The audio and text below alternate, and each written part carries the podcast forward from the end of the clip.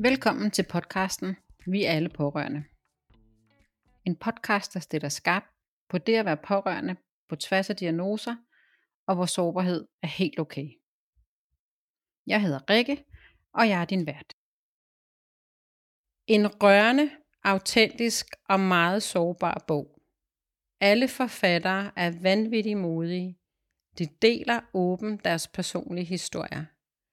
Jeg er vild med bogens opbygning, at der er historier for ramte, pårørende og faktuel viden fra bagprofessionelle, gør det til en meget anbefalesværdig bog.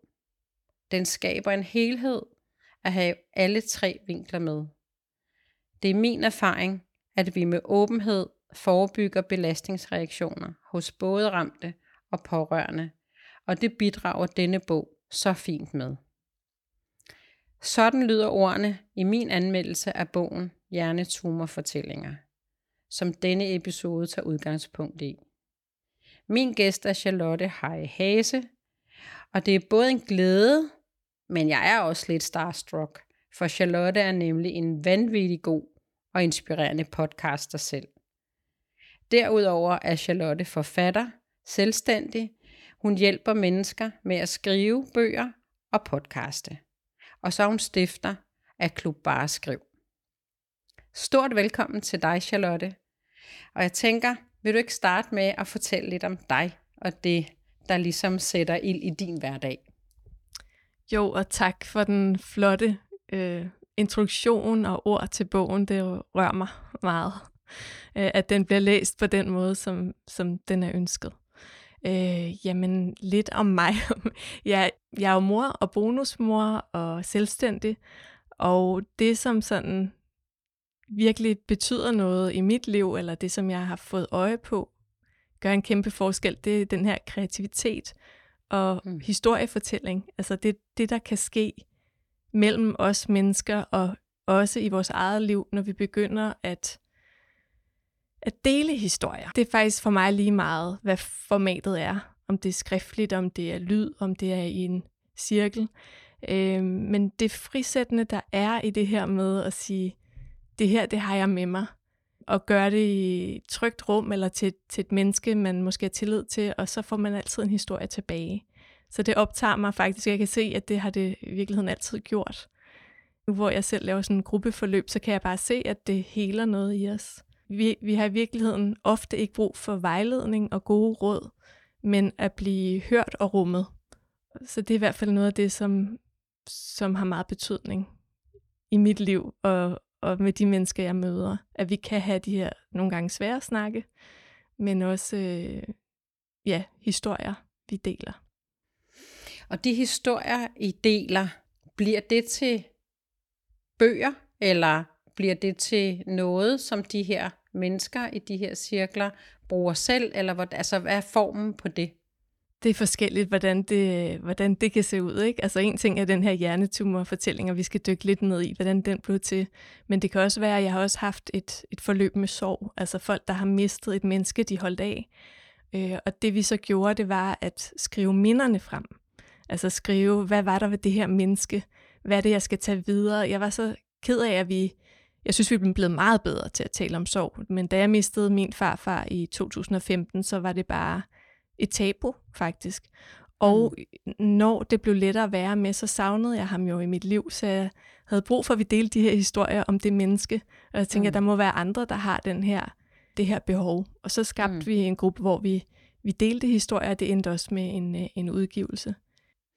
Ja, den har jeg også læst, og den er virkelig, altså den er, den er inspirerende, også fordi, at jeg har også selv mistet, og selvom jeg ikke har været med til at bidrage til den bog, så kan jeg jo, altså jeg kan se mig selv i mange af, af de her, nogle, altså det er sådan lidt i digtform i hvert fald, nogle af dem, ikke? Så, så det er jo meget sådan, den er med til netop, som du siger, at, at, at bryde noget, og det er jo lidt det samme som, som det at være pårørende det er også enormt tabubelagt. Det er ligesom om, øh, uh, er du pårørende? Det er lidt det samme som, når har du mistet din far? Altså, så man kan næsten se, at folk de træder et skridt tilbage, eller lader være med at kontakte, eller altså har den der sådan øh, berøringsangst til os. Ikke? Så jeg er, øh, altså er meget fascineret over den måde, at du arbejder med tingene på, og med det output, der er kommet ud af det indtil videre, i hvert fald det jeg kender til det er super inspirerende for mig faktisk, og jeg øh, øh, kan godt afsløre allerede nu, at det ikke er sidste gang, at jeg har anbefalet nogen i mit netværk at læse hjernetumorfortællinger. Jeg har læst nogle af de anmeldelser, der er kommet på den. Bogen har blevet anmeldt i sygeplejersken, og nu også senest, at den jo faktisk har den fået en rigtig god lektørudtalelse. Så nu kan den lånes på de fleste biblioteker også. Det synes jeg jo er altså stor hurra for det. Så nu skal vi i gang. Hjernetumorfortællinger. Hvordan, hvordan startede den? Det kom til, fordi jeg har en klub, der hedder Klub Barskriv, og der var en af medlemmerne, der var øh, med i bestyrelsen i Hjernetumorforeningen. Ah. Det vidste jeg ikke. Hun synes, jeg kunne noget i forhold til at, at åbne op og skabe et trygt rum, og åbne for kreativiteten. Og min, min pointe med, at alle har en stemme og en historie, jeg tror simpelthen, at verden bliver et bedre sted, hvis vi deler den. Hun tog fat i mig og sagde, jamen altså, vi har, vi vil i Hjernetumorforeningen faktisk gerne lave en bog med personlige historier fra vores medlemmer, dem der vil medvirke, og kunne det være noget for dig, og kunne vi skabe et skriveforløb. Så det var sådan en, øh, en ting, hvor de hyrede mig ind, og vi fandt ud af et format, det var under corona, så det skulle være online. Og vi var lidt spændte på, om, om der var nogen, der ville melde sig til det her. Det skulle ende med en bog til sidst, men det skulle være sådan et halvt års skriveforløb, hvor vi mødtes over Zoom hver anden uge, hvor der blev skrevet frit, delt historier, og så til sidst fundet ind til, hvilke historier vil jeg fortælle i, i den her bog, og vil jeg overhovedet, fordi det var frivilligt, om man ville være med. Og det sjove var, at der var rigtig mange, der meldte sig til, og vi var nødt til at skabe et hold, også for pårørende, så det var både ramte og pårørende. Vi tænkte, det er bedst, at de får hver deres øh, skriveforløb. Så der er et sted, hvor man kan tale frit, og, ligesom, og ligesom er et fællesskab, hvor, man, hvor der er noget sparring og noget spejling. Og der var 10 pårørende, der endte med at udgive i den her bog. Vi mødtes som sagt hver anden uge over Zoom, hvor jeg lavede nogle øvelser. Det kunne for eksempel være fortæl om den dag, øh, hvor at I fik diagnosen, og så seks minutter bare skriv. Det kunne også være nogle lidt blødere, sådan noget med, hvad har du fundet ud af om dine styrker faktisk gennem det her? Så forskellige tekster blev læst op, dem der havde lyst til det, og så blev der bare givet ord tilbage, de ord man huskede, altså hverken kritik eller ros, men bare de ord. Og langsomt så oplevede jeg jo bare, at folk blev meget, øh, meget stærke i deres historie og stemme og kunne dele det. Det kan være svært, når det er noget, der, der er traumatisk. Og så også at læse det op, så der var mange følelser i det. Men i og med, at det var okay, hvis man fældede en tårer, eller havde en reaktion, så, så blev der bare plads til det hele. Så efter et halvt år, så, så skulle man så aflevere til mig, og så arbejdede vi med de fortællinger en til en, mm. som endte i en udgivelse.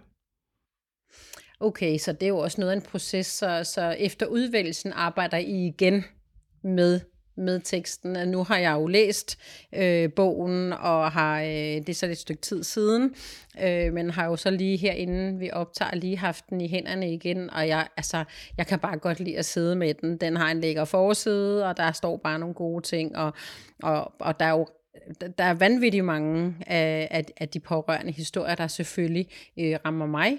Eller ikke selvfølgelig, men de rammer mig. Øh, og jeg tænker i hvert fald også, at det er en god altså jeg vil ikke sige, at det er en terapi at få lov til at læse andres, og alligevel lidt. Det, det har gjort ved mig, det er lidt også det, der er baggrunden for både den her podcast og øh, Pårørende i klubben, det er, at det får mig til at opleve, at jeg ikke er palle alene i verden. Jeg har ikke selv haft hjernetumor øh, tæt inde på livet, men jeg har haft cancer et andet sted i kroppen altså ikke mig, men jeg har en far, der øh, er død af cancer. Så, så det er ikke som sådan sygdommen hjernetumor, der rammer mig, men det er fortællingerne som jo lige så godt kunne have været fortællinger til en anden sygdom i virkeligheden også. Ikke? Og så synes jeg, det er stærkt netop, som du siger, at, at der er så mange, der har været modige og, øh, at stå frem og give os andre mulighed for at være, en, være med i deres historie. Ikke? Og det giver jo også dem en, en ekstra øh, følelse af at skabe noget værdi. Altså der kan komme noget ja. værdi ud af noget, der i virkeligheden er så forfærdeligt. Men ja. i og med, at man viser andre, at du er ikke alene, eller jeg har også følt sådan, vi snakker om ventesorg og andre ting, så giver det noget. Og når du siger det her med, at det rammer dig, så har jeg lige indtalt den til lydbog, og selvom at jeg havde arbejdet med historierne og haft det redaktionelle øje på også, så når man læser noget op og skal ligesom intonere og lægge trykket nogle steder, jeg kunne simpelthen ikke distancere mig fra det. Mm. Og nogle gange måtte jeg simpelthen stoppe og lige tage en grædepause og komme tilbage, mm. fordi at det er skrevet, det er simpelthen så råt mm. noget af det, og så kærligt. Jakob Birkler skriver også i foråret, at det er også en, en bog om taknemmelighed og kærlighed. Mm. Og da jeg sad med Karens historie, hun mister sin mand, og de har, de har børn sammen, hvordan hun kravler op til ham, i, når de er på hospitalet under dynen, eller det sidste kærestebrev, jeg kan nærmest ikke sige det nu, hun mm. skriver til ham. Altså det, det rammer, altså, mm. og det tror jeg også er uanset, altså hvis vi har prøvet at miste et menneske, så, så rammer det, når vi fortæller de her historier, ikke? Og hvor er det fint, at noget kan kan bruges til at kunne være med det, og mm. til at hele noget mm. på en eller anden måde. Fordi det, det føler jeg hver gang, vi, vi fortæller en historie, der er svær, eller vi deler noget, eller giver et lille, et lille blik ind i noget, så har vi nemlig den her følelse af, at vi måske ikke er helt alene. Og det er jo desværre det mange pårørende øh, føler.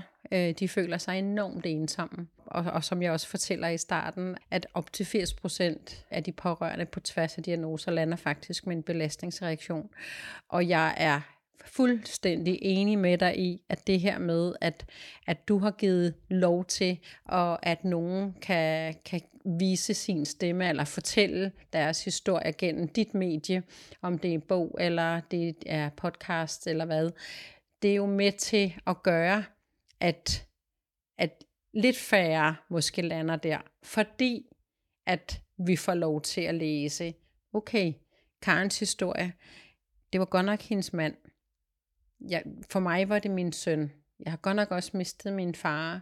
Men det, altså, det jeg får ud af at læse det, det kærligheden og sorgen og taknemmeligheden, den er, ikke, altså, den er identisk, uanset hvad det er, vi er pårørende til og uanset om vi har mistet, eller vi har en kritisk syg, øh, som stadig lever. Ikke?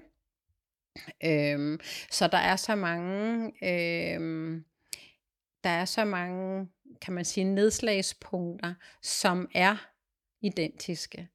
Og, og det er for mig, som for dig, vanvittigt vigtigt, at vi får det frem også. Så, øh, så, så til dem, der lytter med her, så kan det godt være, at I ikke har hjernetumor tæt inde på livet. Men lån eller læs den her bog alligevel, fordi den, den kan virkelig noget. Så nu har du fortalt lidt, Charlotte, om hvordan den blev til, øh, og hvordan processen var. Øh, hvordan er det øh, så nu, når den er øh, blevet til en bog? Er for mig at se en kæmpe succes. Den er kommet på hylderne på bibliotekerne. Så, så hvad sker der nu øh, i forhold til både bogen og dem, der var med? Øh, har I, altså, snakker I stadigvæk sammen? Hvordan er deres, øh, deres liv blevet efter? Ja, altså det, vi, vi har uh, Facebook, en Facebook-gruppe for hvert, hver hold, så vi kommunikerer faktisk. Jeg har skrevet med dem, når jeg skulle ind og indlæse lydbogen. Nu er det dig i dag, og har du et eller andet særligt eller svært ord, du vil have udtale på en bestemt måde. Nå, ja. Og, ja. og her i næste uge er, er der en af forfatterne, der, der kommer i tv og skal tale om den sidste tid og den her mulighed, man har for, for støtte til, at hvis man passer øh, sin pårørende hjemme. Og øh, der læser hun også lidt op af bogen, så på den måde deler vi, når der sker et eller andet. Øh, men, men man kan også sige, at de mennesker, der har fulgte sad på den her måde, har jo fået et bånd, som på en eller anden måde gør, at, at sidder man med noget, kan man kontakte hinanden, og de er også med i Hjernetumorforeningen alle sammen. Så, så, og på en eller anden måde er der jo noget i de her øh, grupper, hvor man deler, som er jo som er en del af den her bog, eller tilblivelsen i hvert fald. Mm der er jo også noget helende ved at få lov til at udgive noget, som andre kan læse, men der er jo også, øh, nu taler vi jo i futuristerne, som vi begge to er en del af, om de her magiske øjeblikke, og det må i den grad være et magisk øjeblik, når man, øh, i hvert fald som mig, lige læser, når du slår op på Instagram, tror jeg det var, jeg så det, at der nu var kommet den her lektørudtalelse. Det er jo et magisk øjeblik for jer alle sammen, og det ved jeg jo, øh, i hvert fald med det, jeg laver, at det er vanvittigt vigtigt at få øh, for de her magiske øjeblikke i tale sat og delt, for de er altså med til at mane nogle af alle de her øh, svære tider, så i hvert fald læg ikke låg på, for det siger jeg ikke, man skal, men i hvert fald gøre, at, at, øh, at nyde det her liv, øh, at man har været med til at bidrage. Ikke? Ja. Ja, og når du siger det, så, så kommer det også op i, at der faktisk er sket nogle ret fine ting i forbindelse med det, fordi der er jo nogen, der har skrevet, jeg genkender det, eller din historie mm. har virkelig ramt mig. Det var også lidt interessant i forhold til, at mine forældre havde en nær ven, der, der døde 15 år efter sin hjernetumor-diagnose. Og jeg havde sagt til dem, nu laver jeg den her bog, gav videre, om jeg skulle sende den til hende. Og de sagde sådan, ah, hun, hun er, det lyder virkelig forfærdeligt, men over det, eller hun, hun er videre, hun, hun skal ikke kigge på det nu. Det var deres øh, tanke, så jeg tænkte, okay. Men så kommer hun over til mig til en, en begravelse af en anden fra min mm. familie, og siger, øh, den her bog. Og så begynder hun simpelthen at fortælle øh, nogle ting om sin, øh, sin mand, fordi at det her var skabt. Så jeg fandt ud af, at selvfølgelig lever det i hende altid. Mm. Og på en eller anden måde, at jeg kunne genkende nogle af de ting, hun fortalte med ændret personlighed og sådan nogle ting. Der kan ske jo en lille hjerneskade, når det er, man bliver opereret i hjernen, eller hvis der er noget, der presser i hjernen, der ikke skal være der. Så for mig har det i hvert fald også fået øjnene op for det her, med vi tror, at det var så det, eller ej, det, altså, forstår du det her med, at vi giver tilladelse til, at det må vi godt tale om og det kan godt være vildt hårdt, men, men det er jo det, der er. Hvor jeg kan læse, at mange af de pårørende har faktisk nogle gange sådan gemt det lidt væk, og den mm. syge har måske også sørget for, at det skulle, altså, fået alle kræfter op, når der kom gæster, så det har ikke virket. Man har ikke set den store, øh, hvordan det i virkeligheden ser ud i hverdagen nogle gange. Mm. Nej, og der, der du, rammer du i hvert fald noget, som, som jeg øh, er blevet mødt med øh, altså et utal af gange. Øh, om, om det så er noget, vi har skabt i vores samfund, det tror jeg måske lidt, det er. Men, men den her med, at når, op på hesten igen, og når, nu må vi også videre, eller øh, hvis, hvis man er pårørende til psykisk sygdom, ja, altså, hvornår er det over? Øh, eller, øh, og, men, og, og det er, har så typisk for mit vedkommende i hvert fald været øh, den generation, der er ældre end mig. Altså min forældres generation. Øh, nå, men det var godt at nu er han kommet hjem, hvis det var Rasmus, ikke? Øh, ja, det er da super fint, men der er jo lang vej nu. Ja, ja, men altså, altså lidt den der med, nu taler vi ikke mere om det, fordi nu er det kritisk, altså nu er han jo i hvert fald ikke død. Øh, eller for, i dit eksempel, nu er han død, og så taler vi ikke mere om det. Altså, men det lever jo i os, og det er jo også derfor, jeg siger, og derfor podcasten hedder Vi alle pårørende, øh, det er vi jo for altid.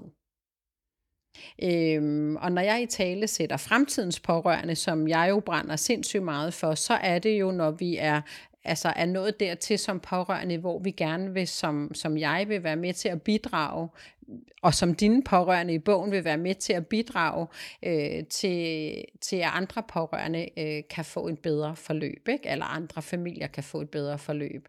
Fordi jeg tænker, at den ramte kan i den grad også få noget ud af at læse pårørende fortællingerne, og omvendt, ikke? Øhm, så så det, altså, det, er jo, det, det bliver jo en cirkel af, for mig i hvert fald, en, øh, en, en, en rigtig god, øh, et rigtig godt flow, øh, at, at, vi, altså, at den bog er blevet skabt i virkeligheden, ikke? men at vi også får lov til at i tale sætte øh, netop det tabu, det er at, at miste eller have en kritisk syg, at så ligger vi lige lov på. Men det skal vi ikke. Det, lå, det skal aldrig lægges på. Vi skal erkende, at det er her, vi er. Ikke? Øhm, og, når, og når jeg siger det, så er det ikke fordi, at jeg går og skilter med det ned igennem øh, byen, når jeg er nede og handle. Jeg er pårørende. Men, men jeg vil gerne svare på spørgsmål, hvis der er nogen, der kommer og spørger. Det er jeg ikke sikker på, at jeg havde gjort for bare, det ved jeg ikke, fire år siden. Så, så tror jeg, jeg havde haft det lidt på samme måde. Ikke? Så, øhm, så det er skide godt, den bog også er der. Jeg oplever også netop med dem, der har været med, en større åbenhed, altså for at ja. tale om det. Ikke? For eksempel ja. øh, den ramte gruppe, og de pårørende sagde, at vi er jo også ramte, men de vil ikke hedde patienter, ja. så hjernetumor ramte. Øh, ja. Dem, der har deltaget ved den del, der øh, er der øh, to, som øh, sagde, okay, de har faktisk skjult det visuelt på Facebook, at de ser ja. anderledes ud i dag. Mm. Fordi i og med, der har været operationer, medicin, andre ting, så, så ser ansigtet faktisk også anderledes ud. Mm. Og så sagde de, okay, nu kan vi godt skifte det profilbillede ud. Ellers kan man måske møde en, der ikke helt kan genkende en, eller få et chok, eller et eller mm. andet, eller man lever selv i, at det var sådan, det er sådan, jeg ser ud. Mm. Og jeg synes simpelthen, det var så rørende, og det var noget, de fortalte mig til bogreceptionen, at, at nu havde de valgt at skifte deres profilbillede ud. Og det kan lyde som en lille ting, men det er en kæmpe ting. Og mm. det gør jo også, at det, det bliver lettere at tale om det, når vi kan se det, eller vi kan møde hinanden der, ja. hvor vi er. Mm. Ofte så er det selvfølgelig en, lige den her, en, en diagnose, man ikke, eller en, en, en sygdom, man ikke kan se, men det kan mm. man altså på nogen, ikke? Ja. Jo, og, og, og der er du også inde på noget, noget, noget, altså noget essentielt i virkeligheden. Altså, øhm, det er ikke noget, der har været, været tæt på mig, men jeg taler jo med pårørende dagligt, og det, der, der netop har været, det har været det her med at blive genkendt efter det kunne være en hjerneblødning eller en blodprop, men det her med, at, at jeg er i hvert fald blevet mødt med det i forhold til vores søn, i og med, der var nedlukket, da det her skete, så går der jo lang tid, før nogen ser ham. Øh, nu havde han jo ikke ændret sit udseende andet, han har et, et, et meget, meget stort, vi kalder det et sørøverar, oppe i, i toppen efter hans operation, men, men så havde han jo været, været øh, delvis lammet, øh, så i højre side og sådan, ikke? Men det her med, at nogen så siger, nå, men han så jo helt normal ud. Ja. hvad fanden skal man bruge det? Altså, hvad skal man bruge den udtalelse til? Altså, det var, altså, det var en pårørende, jeg talte med, som siger, at altså, det, det gjorde hende sindssygt ondt at få den besked om sin mand. Han så jo helt normal ud. Ja, altså det er lidt det samme som den der med, når vi må videre, ikke? Op på hesten igen, Karen nu, øh, nu, nu, nu har du sgu grædt over den situation. Ikke? Øhm, og der tror jeg, altså, så, så stor, altså det jeg egentlig vil sige med det her, det er, altså jeg har mega stor respekt for, for de to, du lige nævner, som ændrer deres profilbillede, fordi det kræver edder dele mig mod. Altså, det er sårbart som en i helvede, øh, det må jeg gerne sige her. Det er min egen podcast, så det må jeg gerne. Øh, og, øh, og gøre det. Øh, øh, så de er bare mega seje. Ja, det er det. Og det viser jo også, at vi er hele mennesker. Vi kan ikke skjule øh, noget. Altså, det vil jo komme frem på et tidspunkt alligevel. Og som du også siger, jamen altså, hvis ikke jeg har det rigtige profilbillede på der, så genkender de mig jo ikke, når de møder mig nede i Netto næste gang. Så, øhm, så det er det er faktisk helt vildt inspirerende at, at høre den del af det også. Og hvor er det fedt, at, altså, at det er kommet efter det at få lov til at skrive, mm. ikke? Altså, jo. jeg har lyst til at spørge dig også, det er sådan måske lidt mere øh, sådan fagligt, men er, altså, at, er det skriveterapi, det du laver? Det er et rigtig godt spørgsmål, og jeg er ikke selv helt afklaret med det endnu. Altså, jeg har, øh, jeg har læst en masse skriveterapi og så videre, men mit er lidt anderledes, fordi ja. ofte er skriveterapi det her med, at vi går ind, Øh, og vi skriver, ofte er det et eller andet med, jeg tror, Pennebaker har lavet et forskningsstudie, der viser, at skriver vi 15 minutter om noget traumatisk, noget svært, hver dag, i bare tre dage, har det en varig effekt.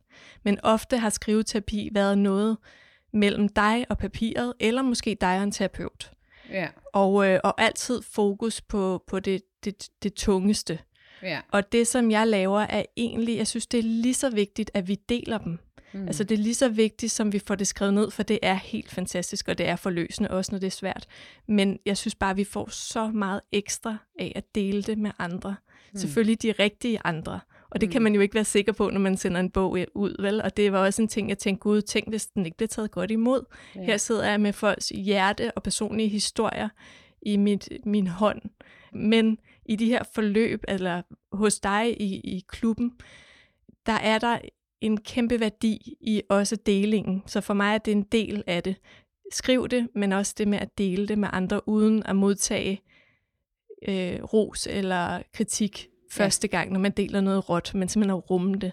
Ja. Så, øh, så ja, det er en, en form for det, men det er også mere, og vi arbejder også med at få fortællingerne frem, så det, så det også faktisk kan bruges for mm. andre og, og være sådan små øh, stykker, som vi kan mærke. Ikke? Mm. Fordi det er jo også det, at de, altså de historier, der er i bogen, de der er jo blevet arbejdet med. Mm.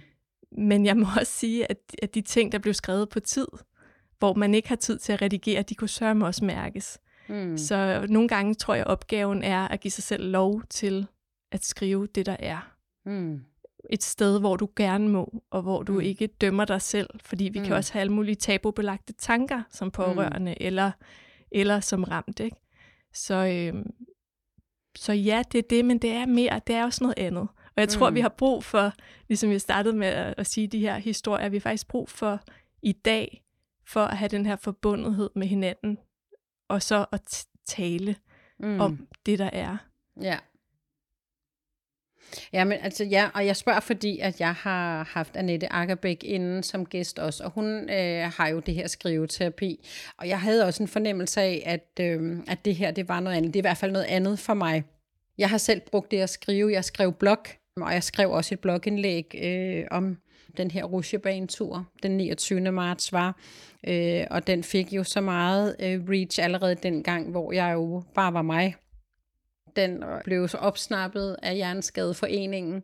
Og det var de øh, i Hjerneskadeforeningen helt på røven over, at jeg gjorde så tidligt. Og, og faktisk så var det, at det også blevet ikke helt øh, på det samme, men jeg har også den ene episode øh, i podcasten her, en af de første, er også den fortælling. Og den gør det samme, øh, som, som de historier, du udgiver. Min tekst og, og min podcast har slet ikke været bearbejdet på den måde men det er kommet helt råt. Og jeg har også øh, indtalt den øh, fuldstændig rå, så jeg har ikke redigeret i det eller noget. Og jeg kan, altså jeg får jo stadigvæk altså folk, der skriver til mig, efter de har lyttet den. Og de fleste, de kan ikke lytte den hele til at starte med. Den er ganske kort, så det er ikke øh, sådan en, der tager øh, en, flere timer, men altså fordi den også kan mærkes. Ikke? Og jeg tror, altså, jeg tror, det er vigtigt, at vi viser vores sårbarhed i det arbejde, vi laver, uanset om det er dig, der laver det, du laver med dine grupper, eller det er mig, der laver det, jeg laver med de pårørende. At jeg ikke bliver sådan en pårørende ekspert, som bare er ekspert, men som egentlig bare er Rikke og Rikke øh, som pårørende. Ikke? Altså for mig er det også vigtigt, at det, altså det kommer fra hjertet, det er autentisk og ærligt. Altså for mig kan det ikke være andet. Jeg kan ikke, jeg kan ikke lave det, jeg arbejder med, hvis ikke jeg er det. Altså det er en forudsætning. Øh, ellers så, øh, så vil det smuldre. Vi er også kommet dertil, altså jeg ved ikke, har du mere omkring bogen, Charlotte, som, som du bare rigtig gerne vil fortælle noget om, øhm, altså i forhold til det her med, øh, hvordan den er blevet til, og processen, og... Mm, måske. Altså en, en ting, jeg også synes, der er interessant i forhold til bogen, det var det her med, at i pårørende gruppen, så var ikke alle samme sted. Altså det, det kan godt være, at alle var hjernetumor pårørende, men der var forskellige grader, og der var faktisk to, som stadigvæk havde deres pårørende.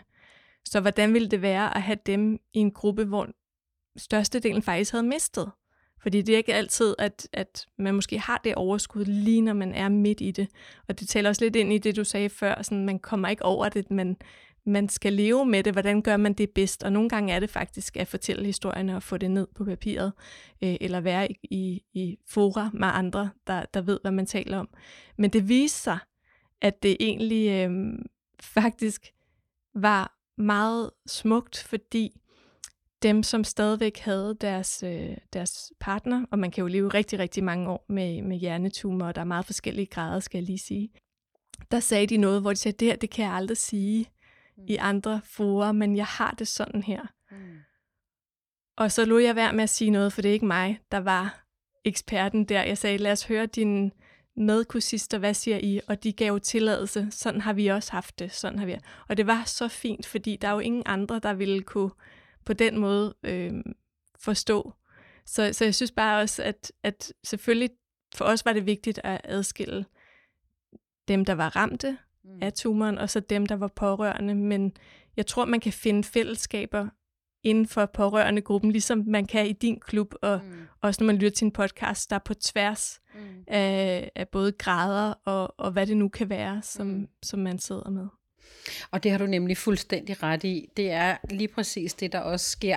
Vi er jo, vi er jo pårørende på forskellige niveauer, og på, altså i forskellige længder og til forskellige mennesker. Nogle er børn som pårørende, nogle er ægtefæller, nogle er søster, bror, hvad ved jeg, mor og far.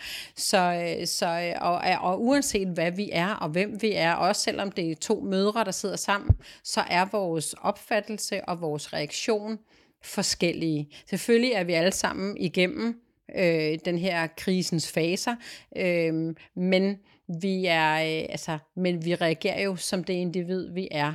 Øh, og nogle er opvokset med, at vi kan godt tale om det, og andre har lært det, øh, enten ved at være sammen med dig eller mig, og så er der dem, der, der, der, der, der er, er mere private, eller i hvert fald har svært ved at tale om det. Dem møder jeg øh, ofte, øh, men når de har hørt et par afsnit af podcasten, så kommer der lige lidt mere. Så skriver de lige lidt mere. Nu, nu tør de godt åbne lidt mere op. Eller, øhm, og, det er, og det er bare super vigtigt at få fortalt, at vi kan godt lære noget af hinanden, om vi har mistet, eller vi stadigvæk har vores, øh, vores ramte tæt på os. Det er super vigtig pointe. Jeg kunne godt tænke mig at spørge her til sidst, fordi vi er jo faktisk ved at være på slutningen, om du har et godt råd til vores lyttere. Og der ved jeg, at du inden vi talte sagde, at det har du ikke, men det har to af forfatterne i bogen, og det synes jeg er helt vildt fedt, at du har spurgt dem om det, så dem glæder vi os til lige at, at høre, hvad de har at sige til, til os. Ja, og det er også fordi, at du sagde noget i forhold til, øh, jeg tror det var sundhedspersonalet, eller i forhold til dem, altså fagpersonalet, der har ja. berøring. Ja. Øhm, så, så det finder jeg lige, og så vil jeg sige, hvis det er, at, at der sidder nogen og lytter med, der har lyst til det her med at skrive, så bare start. Altså så bare øh, få fat i en notesbog. Øh, du behøver ikke læse alle mulige bøger om, hvordan du gør det. Du starter bare og for, altså, skriver frit, fordi det kan altså et eller andet nogle gange, hvis vi går med noget, der er tungt, og få det ned. Og det, det er ikke, nu har jeg talt meget om det her med at dele, men det, der kan gå lang tid, inden man har lyst til det. Men, øh, men, men, men det, det er i hvert fald noget, som, øh, som kan være godt. Og nu finder jeg det lige. Og mens du finder det, så kan jeg i hvert fald supplere med, det har jeg også fortalt i, i nogle af de andre episoder, at jeg også startede faktisk øh, på dag 1 med at skrive en dagbog, som startede med at være øh, til Rasmus, og lidt mig selv, fordi at jeg jo godt vidste, at jeg var i krise, så der ville være rigtig meget, jeg ikke ville kunne huske, hvis han havde spørgsmål, når han vågnede op. Altså, hvad hed den sygeplejerske på den afdeling, eller hvad gjorde de egentlig ved mig, hvad er min diagnose, alle de her ting. Den blev så øh, fra at være sådan meget faglig, eller meget sådan i punktform, til at blive mere, at jeg skrev til Rasmus om mine følelser. I dag savner jeg dig helt sindssygt, og jeg glæder mig til, at du øh, vågner op. Eller, altså, så den, den er blevet meget sådan, ikke at jeg Øh, sidder og tænker, at den skal bruges til en bog på et tidspunkt, øh, eller noget andet. Men jeg sidder der og får nogle idéer til, at det kunne godt være, at jeg kunne bruge nogle, nogle brudstykker fra den til at lave en podcast. Altså, nu er vi her så lang tid efter. Det her, det var også en del af forløbet. Så, så den, den kan bruges til meget med at skrive, og for mig har det i hvert fald også øh, givet afløb for rigtig meget bliver berørt bare af, at du fortæller det, og det her med at skabe det som et brev. Øhm, det er der også øh, en af forfatterne, der har gjort her. Hun skriver også en tale til sin mand. Ja. Det, det kan et eller andet at sige du også, ikke? Mm. Øhm, det, Ja. det får os et andet sted hen. Ja. Ja. Ja, så nu kigger jeg, det er to af forfatterne fra, fra bogen Hjernetumor-fortællinger. Og spørgsmålet, som, øh, som du egentlig sendte mig, det var, hvordan ser du de pårørende inddraget på en bedre måde i fremtiden? Ja. Og der har Johan Rygaard, hun har svaret, for mig er det et virkelig svært spørgsmål, fordi jeg er inddraget på alle aspekter og har en virkelig god og respektfuld dialog med alle de faggrupper, vi har kontakt til. Jeg tror, at det er meget vigtigt at definere, hvilken rolle hvem har, og hvad vi kan forvente af hinanden. Det vil minimere eventuelle misforståelser og skuffelser over forventningerne ikke bliver indfriet. Mm. For mig har den fuldmagt, der ligger i min mands journaler, gjort, at jeg aldrig er ude på et sidespor, som jeg har hørt, at andre har følt, at de er. Mm. Øhm, og det, det er også noget, hun kommer ind på i bogen, det her med, at hun har faktisk fået fuldmagt, også fordi, at hendes mand har faktisk ikke lyst til at vide det hele. Mm. Og, øh, og der har hun fået lov til, det, det, det får hun, og hun har også en bog med sig, hvor hun skriver ned i. Mm. Hun har spørgsmål og, og skriver svarene ned der. Mm. Så det var Johan. Og Annie Nielsen, hun svarer, at når ens mand har fået diagnostiseret glioblastoma og hurtigt mister sine såkaldte åndsevner, og man derved overtager ansvaret, er det ikke, som jeg fik udleveret hen ad vejen, cirka 1 kilo lektier om sygdommen og muligheder for hjælp, man har overskud til at læse. Man har brug for, at nogen tager en i hånden og fortæller om vores situation, pt. Skriftligt materiale er godt, men må aldrig erstatte mundtlige råd og vejledning. Og her havde jeg Hjernetumorforeningens formand lokalt, ellers havde jeg været ilde stet. Mm. Ja. Så det var deres Ja. ja. input. Ej, hvor var det godt. Tusind tak for dem. Det giver sindssygt god mening, og jeg er helt sikker på, at, at lige præcis det, de fortæller her, som jo er to vidt forskellige, øh, dem kan andre pårørende sagtens, sagtens øh, se sig selv i, og i hvert fald også bruge til noget. Så, øh, så sidder du til sidst med noget, hvor du siger, ej, det glemte jeg lige. Så har du muligheden. Nej, jeg er bare glad for det, du sender ud i verden med din podcast, og det, det gør en forskel. Tusind tak skal du have, Charlotte. Så vil jeg bare gerne sige tak, fordi du havde tid til at være med. Det var en fornøjelse. Tak, fordi jeg måtte. Vil du være en del af fællesskabet, vil jeg med glæde byde dig velkommen i Pårørende Klubbens Facebook-gruppe.